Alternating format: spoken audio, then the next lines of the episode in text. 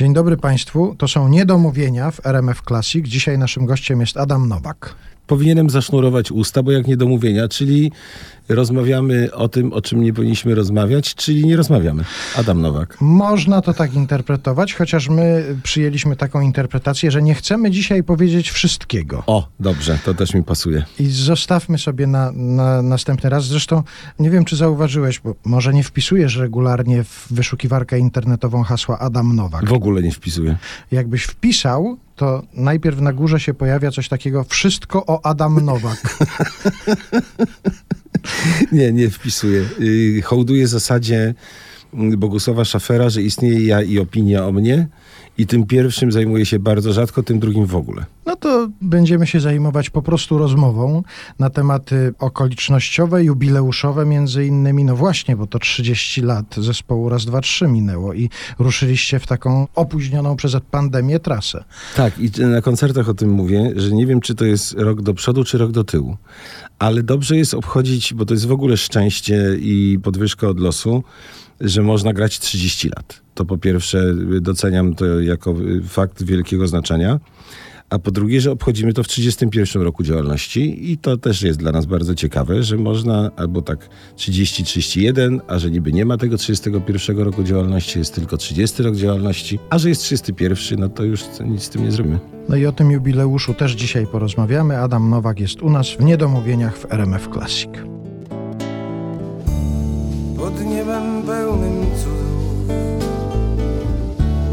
Nieruchomieje z nudów Właśnie pod takim niebem. Wciąż nie wiem, czego nie wiem. Światło z kolejnym świtem ciągle nazywam życiem, które spokojnie toczy.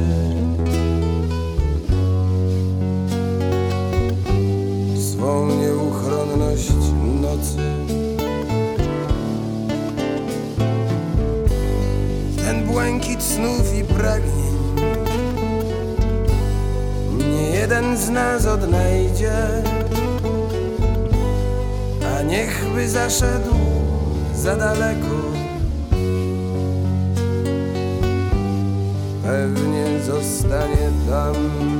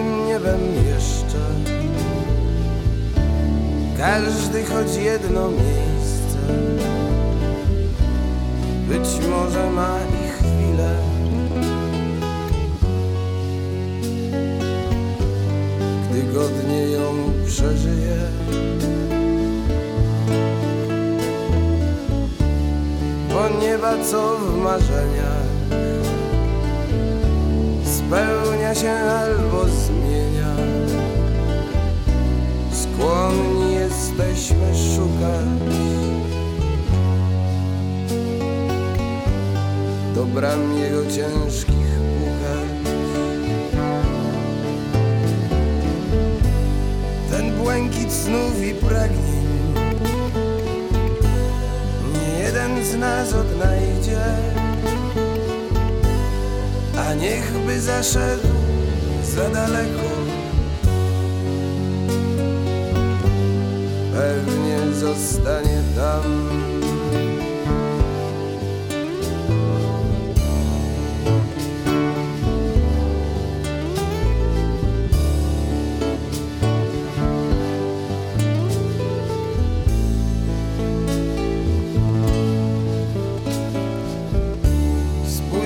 Gwiazdy matowieją i niczym się nie mienią. Zwykliśmy je zaklinać i szczęście swoje mijać. Bo w niebie, z którego dotąd wrócił nikt, Wieczna sączy się struga. Przyjemnej wiary w cuda. Ten błękit snów i pragnień Nie jeden z nas odnajdzie. A niechby zaszedł za daleko Pewnie zostanie tam.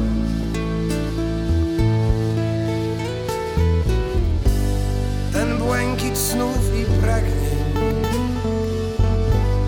Nie jeden z nas odnajdzie. A niechby zaszedł za daleko. Pewnie zostanie sam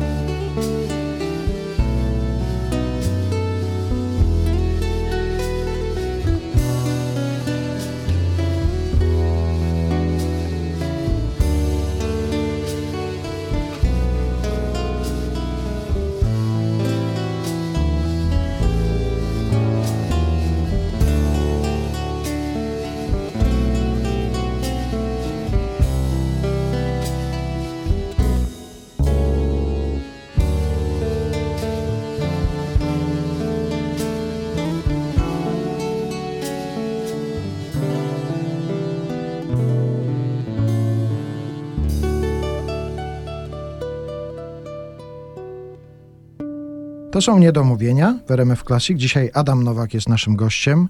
Wspomnieliśmy już o tym, że zespół Raz, Dwa, Trzy obchodzi swój jubileusz, 30-lecie.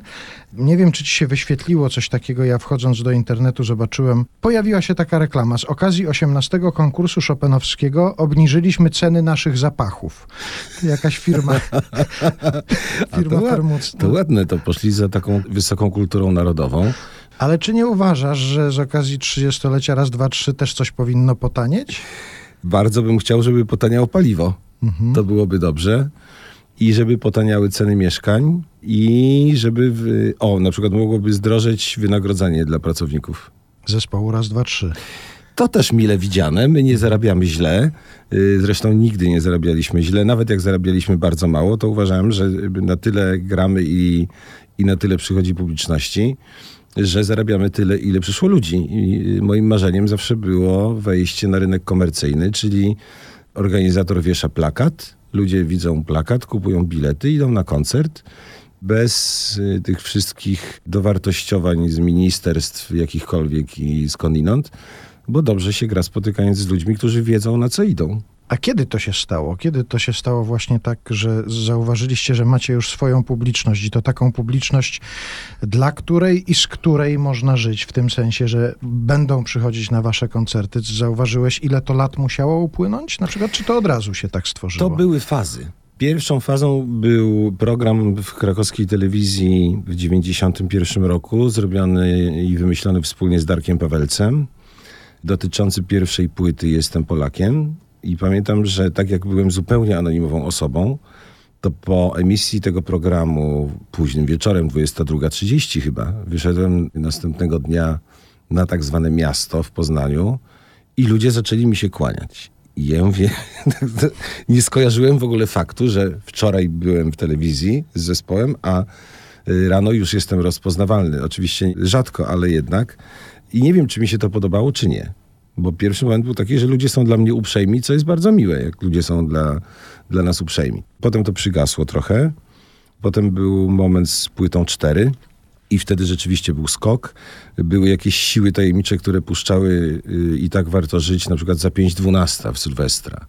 No więc to wtedy oglądalność była jakaś skandaliczna i wtedy zaczęły się te wszystkie podróże w pociągu pod tytułem ja muszę z panem pojechać, porozmawiać i tak dalej. To trwało jakiś czas, ale też potem tak trochę przygasło. Potem przyszedł moment z Agnieszką Osiec, z piosenkami Agnieszki Osieckiej i płyty Trudno nie wierzyć w nic. Jak y, wyeksploatowano ten materiał w telewizji. I wtedy ta rozpoznawalność była już bardzo y, duża. Na tyle duża, że zacząłem jeździć samochodem. A, bo już się nie dało pociągiem, Nie. tak? Aha. No było trudno. Ja myślałem, że to spowodowało to, że kupiłeś sobie samochód. To też, to też, bo stać mnie było wtedy na kupno samochodu po raz pierwszy. Do za 5.12 co prawda jeszcze mamy trochę czasu i może to nie Sylwester, a ostatnia niedziela października, ale u nas teraz też jakaś siła tajemnicza zadziała i nada, już się Państwo domyślają, jaką piosenkę.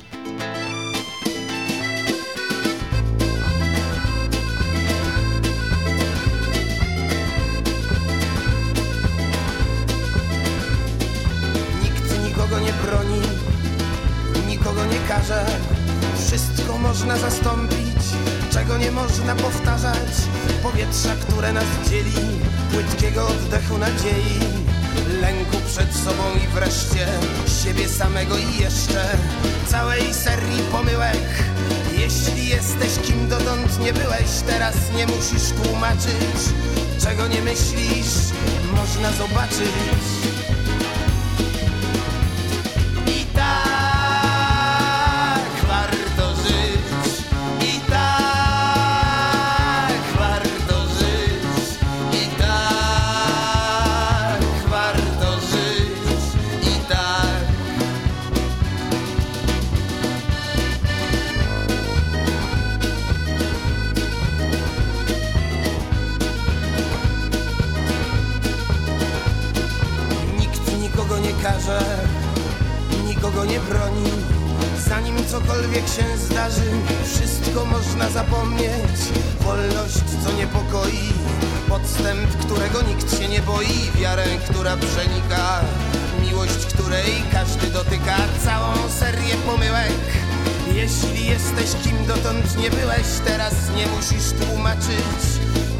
Myślisz, można zobaczyć.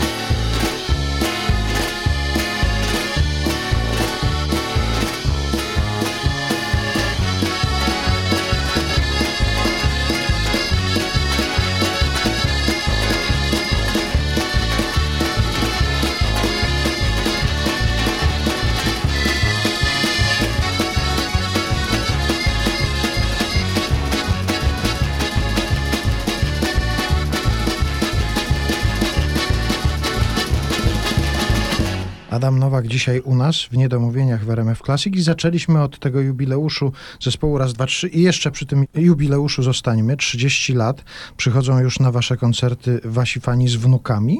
Y, Zdarza się. Zaczęliśmy jako względnie młodzi ludzie, bo w granicach na 24, 6, 7, to zależy kto ile miał w metryce. Ja miałem 27 i to jest dosyć późny debiut w ogóle jak na tak zwaną muzykę rozrywkową, bo debiutuje się w, no wcześniej albo w okolicach dwudziestki. jak się jest pięknym, świeżym i młodym, a nam się to trochę obsunęło i uznano, na- że my jesteśmy piękni, świeży i młodzi przed trzydziestką, więc to już była podwyżka od losu. Chwalę sobie to do dzisiaj, bo uważam, że y, jeżeli ktoś gra muzykę z serca i żyje tym, co robi, to dźwięki trochę odmładzają. Takie mam podejrzenie. Oczywiście my za to odpowiemy później, bo tylko przez moment tak się fastryguje facjatę, że człowiek się trzyma w formie, dopóki uprawia zajęcie, a potem to pewnie jakoś będzie równie pochyła, no ale to nie zastanawiam się nad tym. Ale nie musi być. Wiesz, że ja ostatnio przeczytałem, że jest w przyrodzie takie zjawisko jak zaniedbywalne starzenie się. To na przykład taka ryba, karmazyn ostrooki, coś takiego ma. Naprawdę. I że ona się nie starzeje, tylko ona jest po prostu cały czas taka, na tym samym poziomie. I potem znika jak pierwszy przymrozek. Tak. I to jest bardzo dobrze. Mogę tak. Odpowiada mi to. Karmazyn ostrooki, logo zespołu raz, dwa, trzy na przykład. Na przykład, ale wiesz co, tak patrząc na różnych mistrzów y, sprzed lat, którzy z godnością się y, zestarzeli, nie zniszczeli, tylko zestarzeli, to jednak mam trochę takiego przekonania, że jeżeli ktoś zajmuje się i, czy literaturą, czy muzyką, czy y, malarstwem, czy w ogóle ma kontakt ze sztuką i to jest żywy kontakt w sensie twórczości, że tam gdzieś jest ukryta jakaś przedziwna pogoda ducha. Nawet jak jej nie widać czasem na twarzy, bo są takie egzemplarze, po których nie widać pogody ducha, ale ta pogoda ducha z nich emanuje innymi kanałami, nie tylko poprzez twarz. Więc to jakoś nas utrzymuje, myślę, w od, odrobinę mniej tych cyferek jest pomimo przybywania tych cyferek w życiorysie. Powiedziałeś o cyferkach w życiorysie, a ja właściwie mm, zastanawiając się nad tym, jak cię mam przedstawić na początku naszego spotkania, pomyślałem, że przedstawię cię jako artystę liczebnikowego, bo popatrz ile tych liczebników wokół ciebie. Raz, dwa, trzy. Płyta cztery. Tak. Występowałeś w kabarecie drugi garnitur, czyli Tak. liczebniki główne albo porządkowe się pojawiają co jakiś czas. Ale jak znasz Tomka Kowalskiego z kabaretu Ciach oczywiście, on był bardzo zły, jak y, został założony kabaret drugi garnitur, bo właśnie zawiesił działalność wtedy pod koniec lat 80. kabaret potem. I oczywiście ja w ogóle tak do tego nie podszedłem, że to jest drugi garnitur, w sensie, że pierwszym garniturem jest kabaret potem, a tutaj jest jakiś drugi garnitur i że my jesteśmy z niższej półki. Ale pamiętam, że Tomek był zły na tą nazwę i mówi, co to w ogóle ten Sikora wymyślił, że to jakiś drugi garnitur. Sam on jest drugi garnitur. Były takie małe utaczki. Ale rzeczywiście te liczebniki te jakoś mi towarzyszą. No. ten temat nam się teraz pojawił, to zatrzymajmy się na nim przez chwilę. Zielona Góra, Wyższa Szkoła Pedagogiczna, to są całe pokolenia artystów kabaretowych stamtąd wyszło. Tak. No bo wspomniany kabaret potem, Ciach, Jurki, no całe zielonogórskie zagłębie kabaretowe. No i ty też w tym zaistniałeś, w tym kabarecie, o którym wspominaliśmy, ale ty od razu wiedziałeś, że kabaret to nie jest twoje miejsce i że to się na pewnym etapie skończy. Tak od razu nie. Ja przyszedłem na studia, kiedy mój rocznik, czyli na przykład Darek Kamys wychodził, właśnie biegał z obiegówką po uczelni. Y, Ja byłem dosyć opóźniony w rozwoju tutaj, jeżeli chodzi o wyższe wykształcenie, ale w ogóle nie planowałem iść na studia, tylko to była moja jedyna deska ratunku, żeby nie zabrali mnie do wojska i to mi się w sumie udało. Ale znalazłem się w tej Zielonej Górze, w której nikogo nie znałem i okazało się, że spotkałem fantastycznych ludzi. Jako taki, no może nie mieszczuch, ale poznaniak y, zadzierający nosa z miasta z tramwajami, y, znalazłszy się w Zielonej Górze. Y, Zapytałem, jak dojechać do akademika, to mi pani powiedziała, że to są trzy przystanki autobusem. I mówię, no na warunki poznańskie to idę pieszo, w ogóle się nie będę pytał. Ale ponieważ nikogo tam nie znałem, to było dla mnie miasto i ludzie do odkrycia. I tutaj zrobiliśmy z, ze świętej pamięci Adamem Pernalem taki recital z piosenkami Wysockiego i Okudrzawy i on bardzo chętnie na to przystał. I przyszło dużo ludzi, a studiowałem dopiero dwa miesiące. Zaraz potem było zgarnięcie niektórych członków kabaretu potem do wojska i Kamol pozostawił po sobie mm, spadek pod tytułem Piosenki i wiersze lat 50. I myśmy z nim to zaczęli w takim dosyć szerokim składzie, jako nawet nie premiera w klubie Gęba, a potem zabraliśmy się za to z Włodkiem Sikorą, który był takim opiekunem y, zespołu. No i dobrnęliśmy do Paki w 88 roku. Dostaliśmy tam pierwszą nagrodę. Grand Prix dostał Piotr Plewa ze swoim kabaretem za piosenkę Przetwory z Gołdapi. Kabaret bez nas. tak, kabaret bez nas. No ale dla nas to była fantastyczna przygoda. Raz, że mieliśmy przepiękną rozmowę z jurorami, bo jednak używaliśmy tekstów ich kolegów i koleżanek, szczególnie świętej pamięci Jana Józefa Szczepańskiego. No i powiedział nam, że na przykład z takim Adamem Warzykiem to nie jest taka prosta sprawa. I próbowano nam trochę wytłumaczyć, że niektórzy się już y, dawno naprawili i że niepotrzebnie to wytykamy. Ale myśmy tam siedzieli tak pokornie. Mówi, no tak, ale to jednak zostało napisane i wydrukowane i my tego nie robimy złośliwie, tylko zrobiliśmy akademię według y, podręcznika, który Darek Kamys znalazł w bibliotece, że wychodzi wykonawczyni, pokazuje w czwartym weresie lewą ręką w lewo i potem robi krok do przodu, krok do tyłu. Myśmy dokładnie odtworzyli akademię z podręcznika, dodając nieliczne małe elementy satyryczne do tego. No ale kiedy przyszedł ten moment, kiedy ty wiedziałeś, że kabaret to jest nie wszystko, że ciebie raczej w I inną jak z Asią Kołaczkowską przeszliśmy do kabaretu potem, zaproszono nas y, ze względu na braki kadrowe. Okazało się, że po powrocie z wojska Darek Kamys i Janusz Klimenko y, wrócili do kabaretu i był kłopot z programem. No bo wszystko jakby wróciło od początku, trzeba było robić. I we mnie się uruchomił jakiś taki syndrom lidera. I zacząłem też pisać i piosenki, i, i jakieś tam skecze. I Władek Sikora dyplomatycznie mówi, no każdy ma prawo przynieść swój materiał, no to ćwiczmy to, co przyniósł Adam. A opór w zespole nastąpił jednak. I ja sobie pomyślałem, po, bo tam nie cały rok byłem w kabarecie, że to jest dla mnie za mało. To znaczy, że nie chodzi o to, że musiałem się zderzyć z własnym ego i powiedzieć, że jeżeli nie mogę być liderem i chcę wysiudać Władka Sikorę, bo to nie o to chodziło, tylko chciałem mieć y, przestrzeń do kreatywności. I któregoś dnia poszedłem do Władka i powiedziałem, że odchodzę, że tak będzie lepiej. No i założyliśmy raz, dwa, trzy wtedy. Rok 1990, 31 lutego jest wskazywany. Ale Tak. co to za data? No to jest data również y, wiążąca się z tak zwanym dziewiątym piętrem akademika. Y, Dziewiątego piętra akademika już nie ma, bo skrócono go o trzy piętra. Więc nie ma miejsca y, zespołu mitu, mitu założycielskiego oraz trudno o datę. Znaczy data jest, ale trudno ją odnaleźć w kalendarzu. Kto sobie będzie chciał kiedyś obchodzić mit założycielski zespołu, no to musi tam jednak nagłówkować się, co zrobi z tym 31 lutego. Ale i nie ma gdzie przypiąć takiej tablicy Nie ma, pamiątkowej. nie ma. Akademik został skrócony o trzy głowy przynajmniej.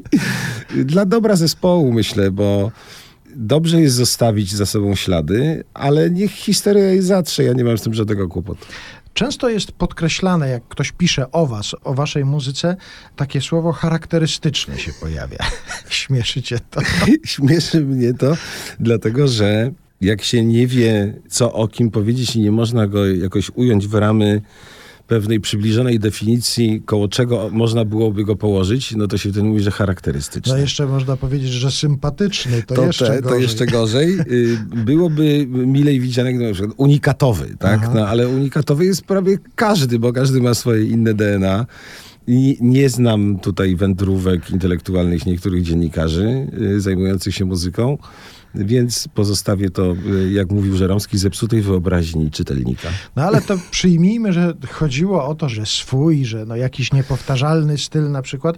I zastanawiam się, co spowodowało, że nagle do tego waszego charakterystycznego stylu dołączają tacy ludzie jak Wojciech Wagleski, jak Andrzej Jagodziński, jak Henryk Miśkiewicz. Czy to jest chęć otwarcia się na jakieś inne rejony muzyki, czy poszerzenia, przeżycia jakiejś przygody muzycznej? Jakie były okoliczności, że Z ludzie- Wojtkiem Wagleskim była taka sytuacja, że firma wydawnicza zażyczyła sobie producenta i chcieli prawdopodobnie stworzyć brzmienie zespołu, tak jak się to robi na zachodzie. Jakby nie ma tutaj żadnego... Wtedy to była dla nas nowość i zostaliśmy okrzyknięci zdrajcami w ogóle i tak dalej. Ale to było normalne spotkanie. Wojtek był dobrym producentem, jakby nie naruszył naszej, uwaga, charakterystyczności, tak? czy charakterystycznego brzmienia. Y, Menadżerem przez chwilę była Martyna Jakubowicz. Myślę, że oboje czuli, y, że to, co robimy, jest y, bliskie również temu, co oni robili. Martyna wtedy była po wielkim sukcesie płyty akustycznej, również zresztą z udziałem Wojtka i Mateusza i całego szeregu znakomitych muzyków. I to był taki moment, w którym Wojtek y, wyprodukował najpierw płytę 4, potem wyprodukował. Był, ja nazwałem go opiekunem producenckim, czy opiekunem muzycznym. bo to nie była taka produkcja, o której myślimy, jak się później robiło, że mm, wykonawca miał piosenkę, albo był dobry wykonawca, brał mu się utwór z publishingu i dookoła tego budowało się y, całą aranżację.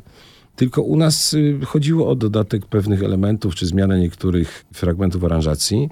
I rzeczywiście powstała wtedy i dla nas, i myślę dla słuchaczy, nowa jakość pod tytułem Płyta 4, która wiązała się z y, takim dosyć dużym sukcesem i rozgłosem.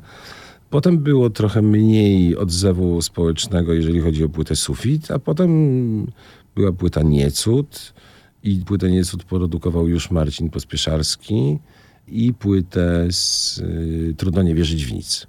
I to jakby to są wydawnictwa, które pokazują ro, i rozwój zespołu, i sposób myślenia o muzyce. A potem później doszli goście, tacy właśnie jak Henryk Miśkiewicz, Andrzej Jagodziński.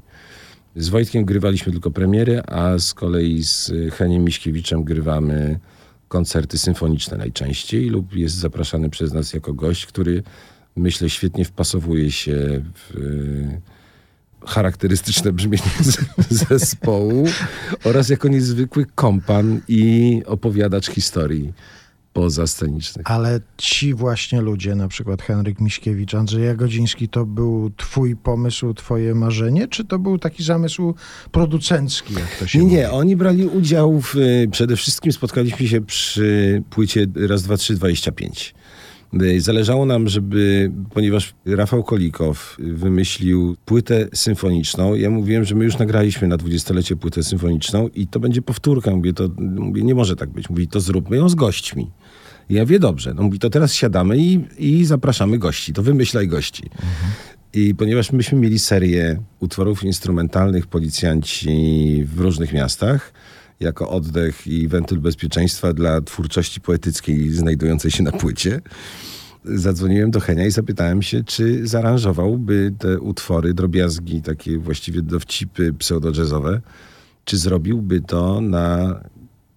Naprawdę przerobiłby to na jazz. A on mówi, jeżeli mi dasz wolną rękę, to tak. I podzielili się tymi utworami z Andrzejem Jagodzińskim i każdy z nich zrobił, zaaranżował po trzy utwory i je zagrali. I okazało się, że myśmy usłyszeli nasze utwory w wykonaniu jazzmenów, takich prawdziwych jazzmenów i mówimy, to są dobre utwory. Naprawdę kłaniam się i Heniowi, i Andrzejowi, bo zrobili z tego perełki. To przy płycie raz, dwa, trzy, dwadzieścia pięć. Teraz się zatrzymajmy. W RMF Classic piosenka Idę przed siebie z gościnnym udziałem Henryka Miśkiewicza i Andrzeja Jagodzińskiego.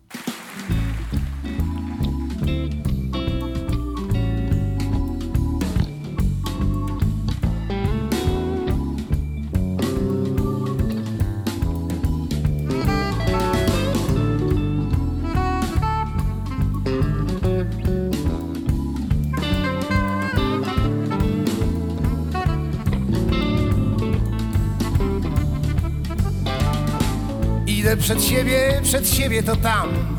W innym kierunku niż wybrałem sam. Nawet w przeciwnym, lecz idę więc chcę. Niestety nie wiem skąd ani gdzie.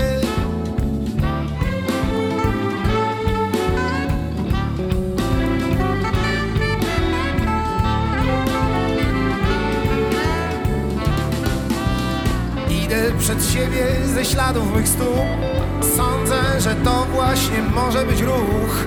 Ślady są za mną i moje, a tak Że między śladami śladów jest brak.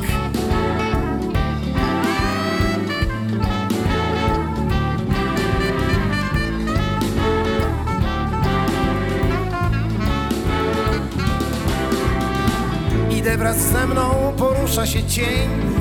On też określa tu noc albo dzień Miast w pojedynkę idziemy we dwóch I nie dowiodę, że to nie mój duch.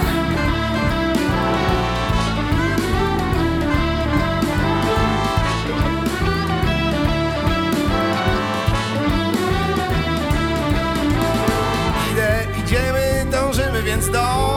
Ruch by się odbył, potrzebne jest tło A tym jest to, czym nie ja i mój cień również możemy być tłem.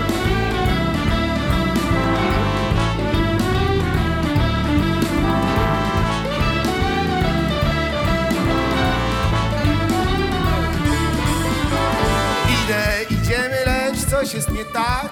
Bliżej przed nami, czy prędzej już za punkt odniesienia współrzędna, czy oś. Trudno powiedzieć, bo trudno jest dojść.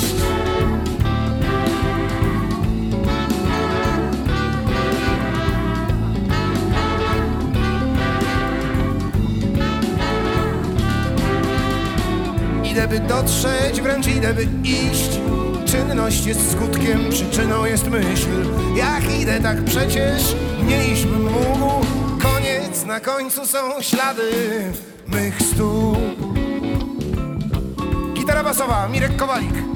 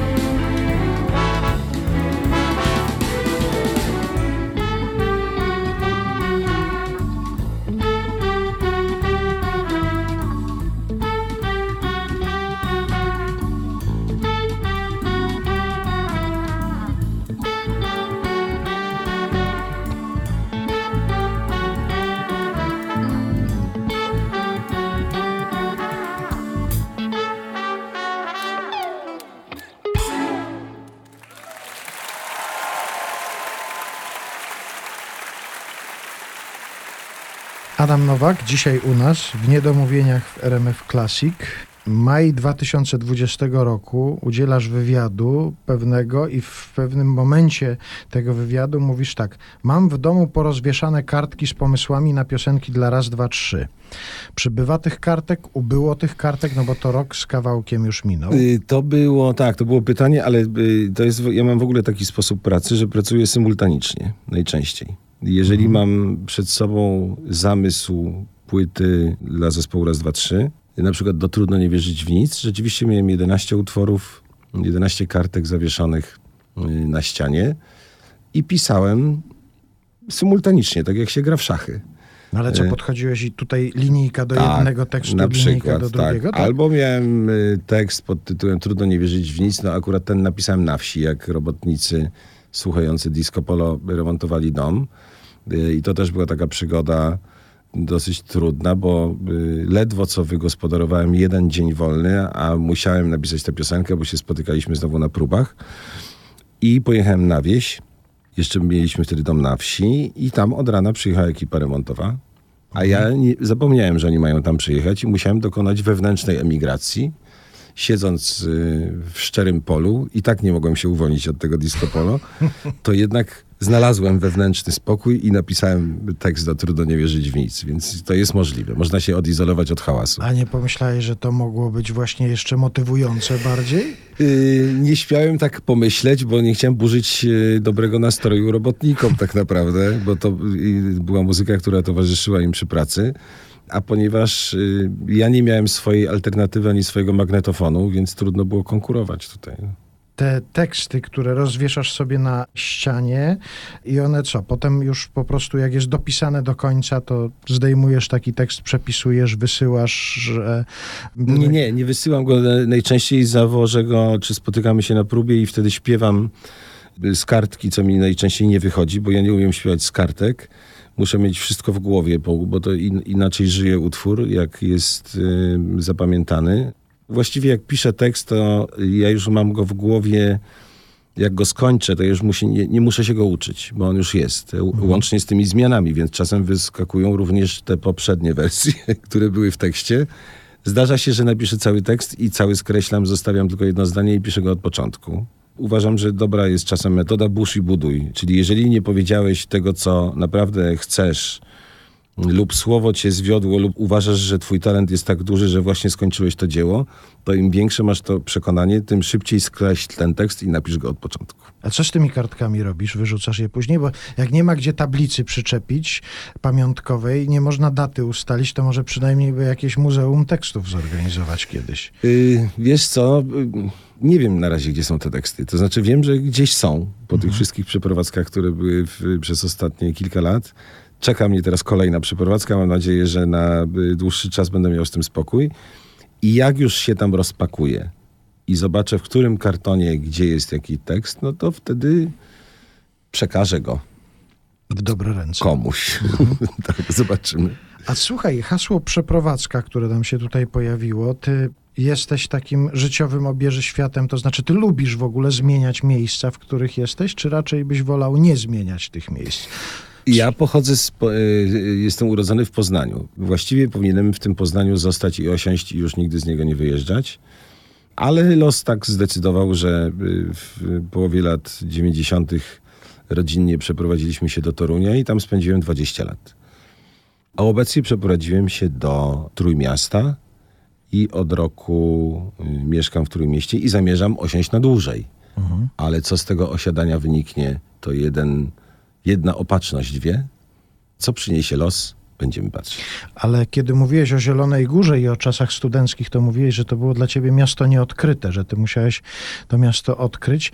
Te kolejne to już były dla ciebie miasta odkryte wcześniej, w sensie takim, że jak już przyjeżdżałeś do Torunia, to już wiedziałeś, co to jest Toruń. Jak Nie. jechałeś do mm, Trójmiasta, to wiedziałeś, Nie. co to jest Trójmiasto? Nie, no Trójmiasto zwiedziłem chwilę wcześniej, bo tam y, przyjeżdżałem y, od y, trzech lat i mniej więcej już wiedziałem, że to jest miasto, w którym mogę zamieszkać, ale badałem też Wrocław i Warszawę, jeżeli chodzi o usiłowanie zamieszkania i z Wrocławiem nie wyszło, z, z Warszawą tym bardziej. Więc y, wylądowałem w Trójmieście za sprawą autonomicznej decyzji, z czego się cieszę, bo oprócz tego, że mam dalej na koncerty, Z tego się cieszysz? Nie, nie. Oprócz tego, że mam dalej na koncerty, to to jest jednak miasto do odkrycia y, i codziennie zaskakuje. I już za chwilę tam przewiozę kartony i nie rozpakuję ich przez najbliższe dwa miesiące, bo jestem w trasie koncertowej. Za kilka minut wracamy do rozmowy, ale najpierw piosenka, która powstała w szczerym polu dzięki pewnej ekipie remontowej.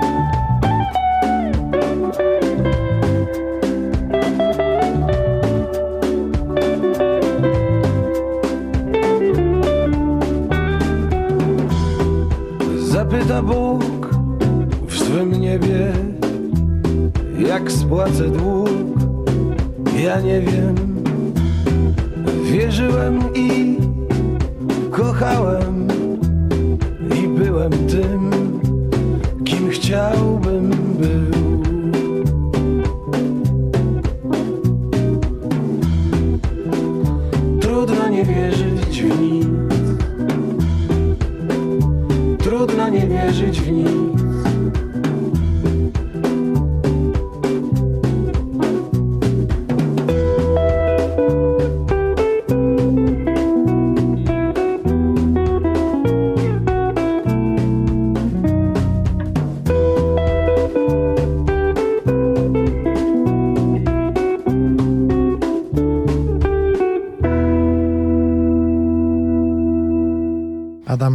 Dzisiaj w niedomówieniach w RMF e, Classic.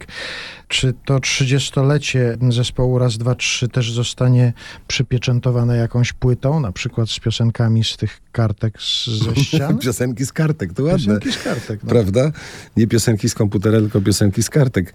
My jesteśmy analogowi i właściwie byliśmy od samego początku archaiczni, jeżeli chodzi o brzmienie. Bo ten. Charakterystyczni, to już ustaliliśmy. Ja wolę jednak archaiczni. Ale to jest podpowiedź dla niektórych dziennikarzy. Jakby chcieli zastąpić słowo charakterystyczne, archaiczny. Myślisz, to że ktoś ci się odważy tak Nie. powiedzieć, jest pan archaiczny, jak pan osiągnął ten... Brzmienie, jak pan osiągnął nowoczesne brzmienie, będące archaicznym? No ale teraz jest jakiś pomysł na to, żeby to 30-lecie na przykład podsumować jakąś płytą? Czy, Nie czy, czy wiem, nie? wiesz co, na pewno tego nie zrobimy do końca roku. Gramy, jest jakaś klęska urodzaju, jeżeli chodzi o koncerty, co sobie bardzo chwalimy, bo jednak siedzieliśmy na tyłku przez y, rok. Ja w tym czasie zrobiłem z Karimem Martusewiczem pół płyty, takie nazwaliśmy, bo rzeczywiście tyle mieliśmy piosenek dla akustyka Migos. Kłopot jest inny, bo nie wiadomo jak to ugryźć dzisiaj, wiesz, jak, y, bo płyty się nie sprzedają. A, czyli czy to nie powinno już zostać tylko w tej takiej wirtualnej przestrzeni? Tego tak? nikt nie wie, bo oczywiście jak gramy koncerty, to sporo ludzi kupuje płyty i sporo ludzi kupuje płyty analogowe na przykład. I my te płyty podpisujemy i myślę, że to jest obieg zamknięty, że jeżeli wykonawca podpisze płytę, to ja ją kupię, idę do niego pod podpis, jest bardzo miła chwila po koncercie, ale w sensie pójścia do sklepu i kupowania płyt nakłady jakoś e, drastycznie zmalały. Być może to chodzi o naszą muzykę, czy o muzykę, która Przepraszam cię bardzo, ale myślę, że archaiczna forma to właśnie bardziej się powinna na płytach sprzedawać. Nie, no jest młode pokolenie, które wchodzi z różnymi, w, w różnych estetykach muzycznych. Ja nie wiem, jak oni sobie radzą. Czy oni rzeczywiście sprzedają płyty, czy to jest działalność już tylko na zasadzie y, subskrypcji internetowych na kanałach YouTube i tak dalej, bo się na tym niespecjalnie znam. Wiem, że dzisiaj jakoś y, twórcy inaczej zarabiają na tym niż dawniej na płytach.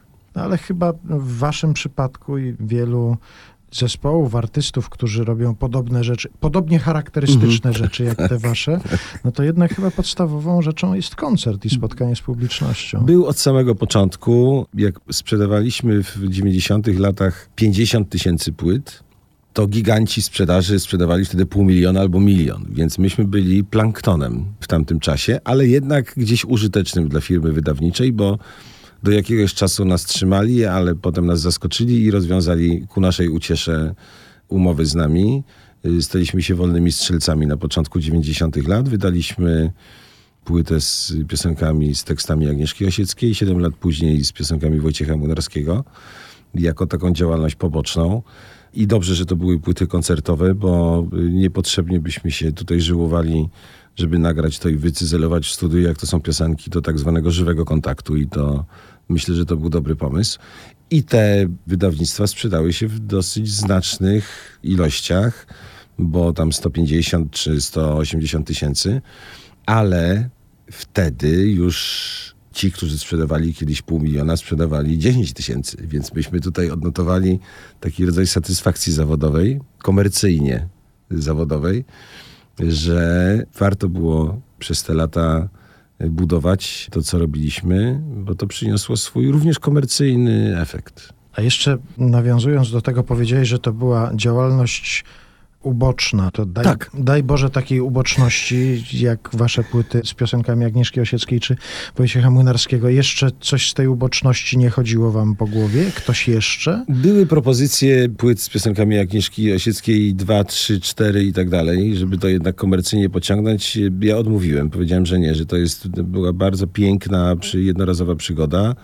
Trochę inaczej było z piosenkami Wojciecha Młynarskiego, bo on sam zaproponował nam, żebyśmy zagrali jego piosenki. I to nam bardzo zaimponowało, bo y, wiemy, że jak radził mu Kazimierz Rudzki, żeby najlepiej śpiewał te swoje piosenki sam. I danie komuś swoich piosenek y, do przeróbki bez ingerencji, je- jeżeli rozmawiamy o Wojciechu Munarskim, to było z jego strony jednak bardzo duże zaufanie, że my to zrobimy dobrze. Ja go informowałem w trakcie prób, w jakim kierunku mniej więcej idą aranżacje, jak to postanowiliśmy przedstawić. I on, pamiętam, po koncercie, który nagrywaliśmy w studiu Agnieszki Osieckiej, był na tym koncercie, zarejestrował się na płycie w słynnej wypowiedzi Panno Krysiu, kocham panią wszystko. Przyszedł do garderoby i powiedział, no panowie, dobrze. I to było wszystko, co powiedział.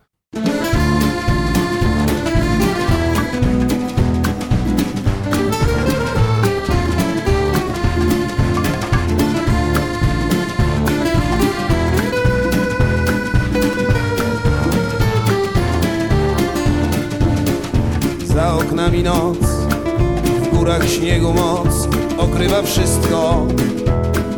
Czort jedyny wie, co rzuciło mnie w to uzdrowisko. Na parkiecie szum, w czasowiczu w tłum spleciony gęsto. Siedzę tutaj sam, a przed sobą mam orkiestrę męską. Typ, co szarpie bas, wie, że nadszedł czas, gdy w kimś na bańce czuła struna drgnie i rozpoczną się góralskie tańce. Jest górala wart, taniec, gdy masz fart, gdy dziewczę chwili. Z pasem typ to wie, więc szykuje się już po chwili. Jesteśmy na wczasach, góralskich lasach, w promieniach słonecznych opalamy się. Orkiestra przygrywa skocznego begina, to nie twoja wina, że podrywam cię. A panna Krysia, panna Krysia, królowała na turnusach nie od dzisiaj. Każdego roku właśnie o tej porze Przyjeżdżała tu do pensjonatu orzeł. Kuracjuszy rozmarzony wzrok. Śledził wciąż jej każdy gest i krok. Za oknami noc, w górach śniegu moc Na drzewach wisi Czort jedyny wie, że basista też się kocha w Krysi. Wie, jedyny czort Co oznacza to, wciąż od nowa. Tłumiąc pożar krwi Brać kontrabas i tak anonsować. Jesteśmy na wczasach W tych góralskich lasach W promieniach słonecznych.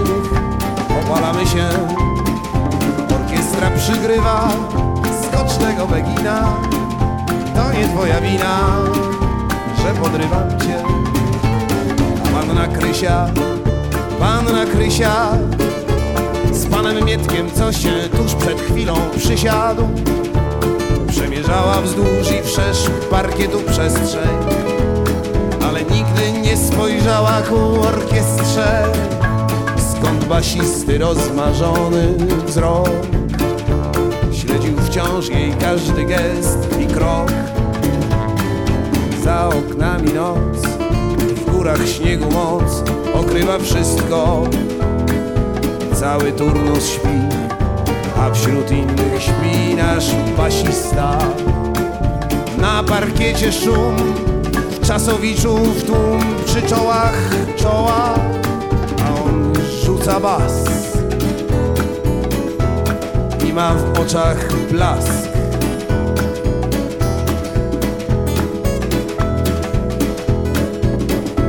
głośno woła Panno Krysiu, kocham panią. Wszystko. Co to się działo? Co się działo? Uzdrowiska pół ze śmiechu się skręcało I skręciłoby do końca biednych ludzi Gdyby wreszcie się basista nie obudził miewamy często głupie sny Ale potem się budzimy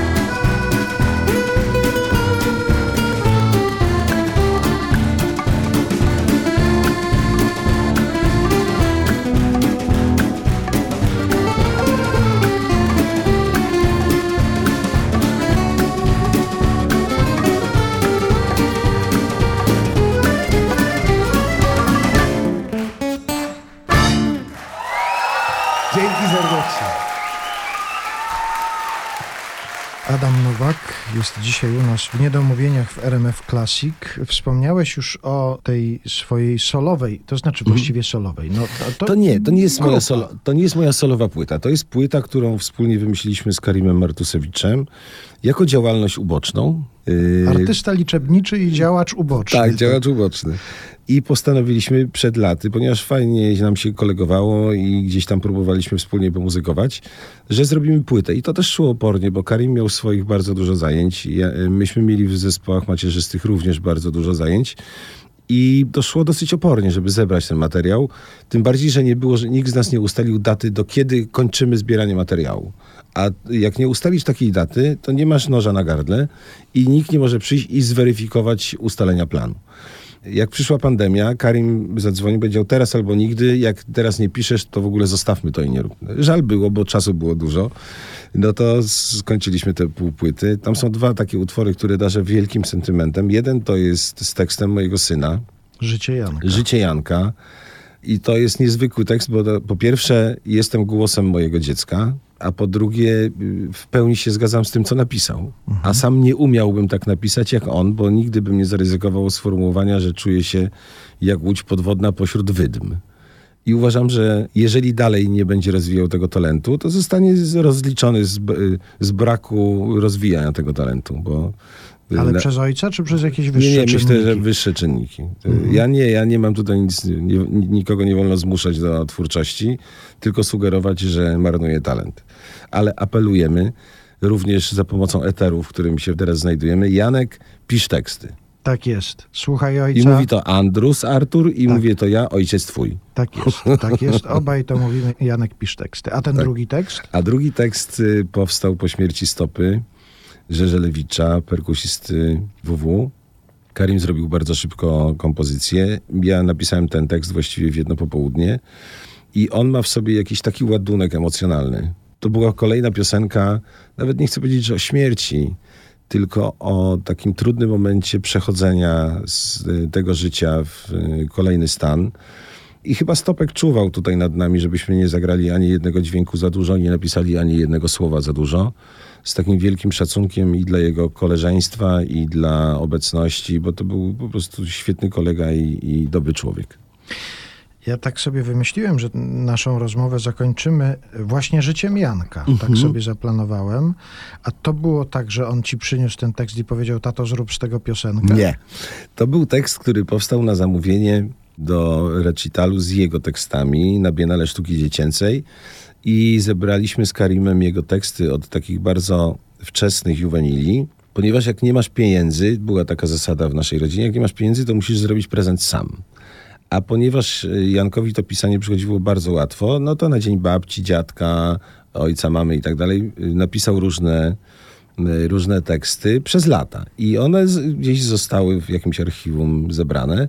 I jak przyszedł ten koncert, y, który organizowała Bożenka Miller, była jego takim producentem z, y, ze strony Biennale Sztuki Dziecięcej w Poznaniu. Karim zrobił kompozycję, ja te piosenki śpiewałem, Janek tam grał na perkusji, jego rodzeństwo występowało w chórkach, ale zanim ten recital powstał, to brakowało jednego takiego kończącego tekstu, kiedy był już najstarszy. Był chyba w klasie maturalnej wtedy.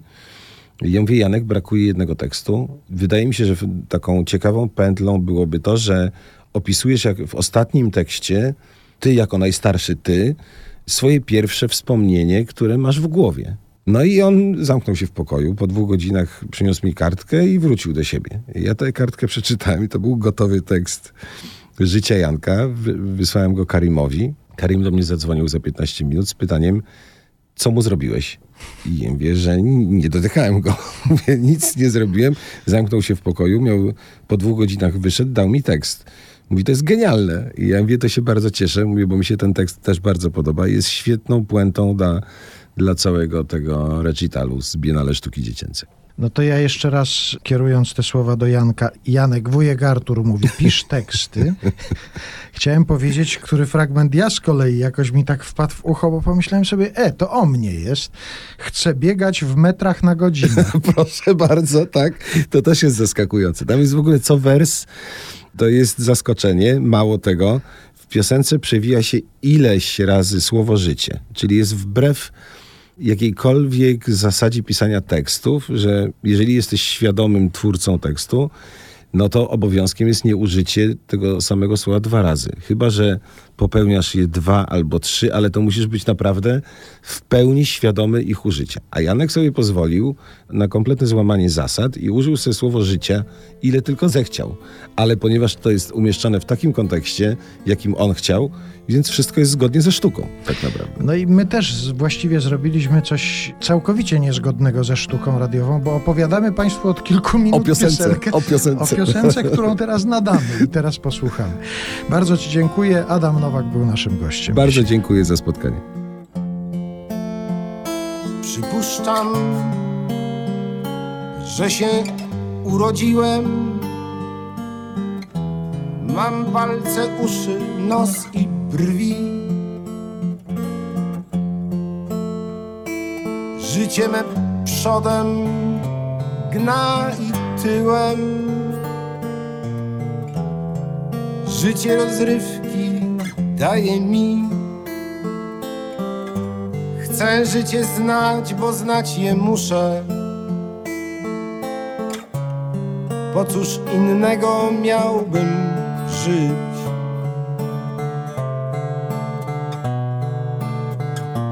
Ja chcę mieć rozum, ciało, duszę. Cieszyć się, płakać z myślą,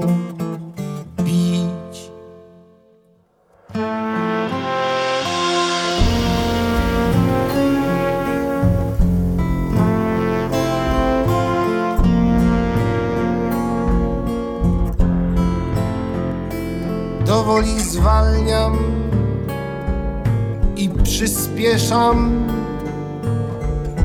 Za wierszem wiersz, za rytmem rytm. Czasami w życiu się zawieszam jak łódź podwodna pośród wydm. Życie szanuję i podziwiam, choć wzbudza ludzki ciemny lęk.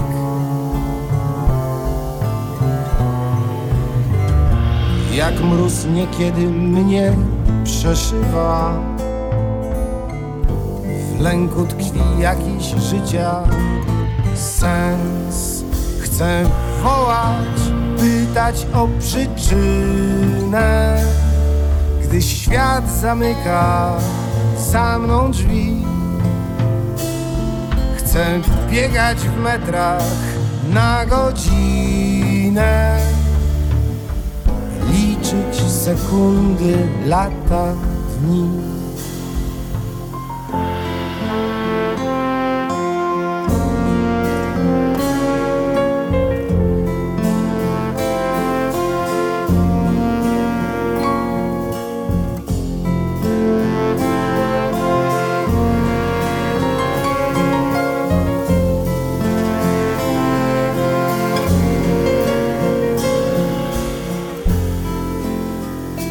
Przypuszczam, że się urodziłem. Mam palce, uszy, nos i brwi. Życie me przodem, gna i tyłem. Życie rozrywki daje mi. Choć nie zawsze bywa pięknie, życie to nie jest samo zło.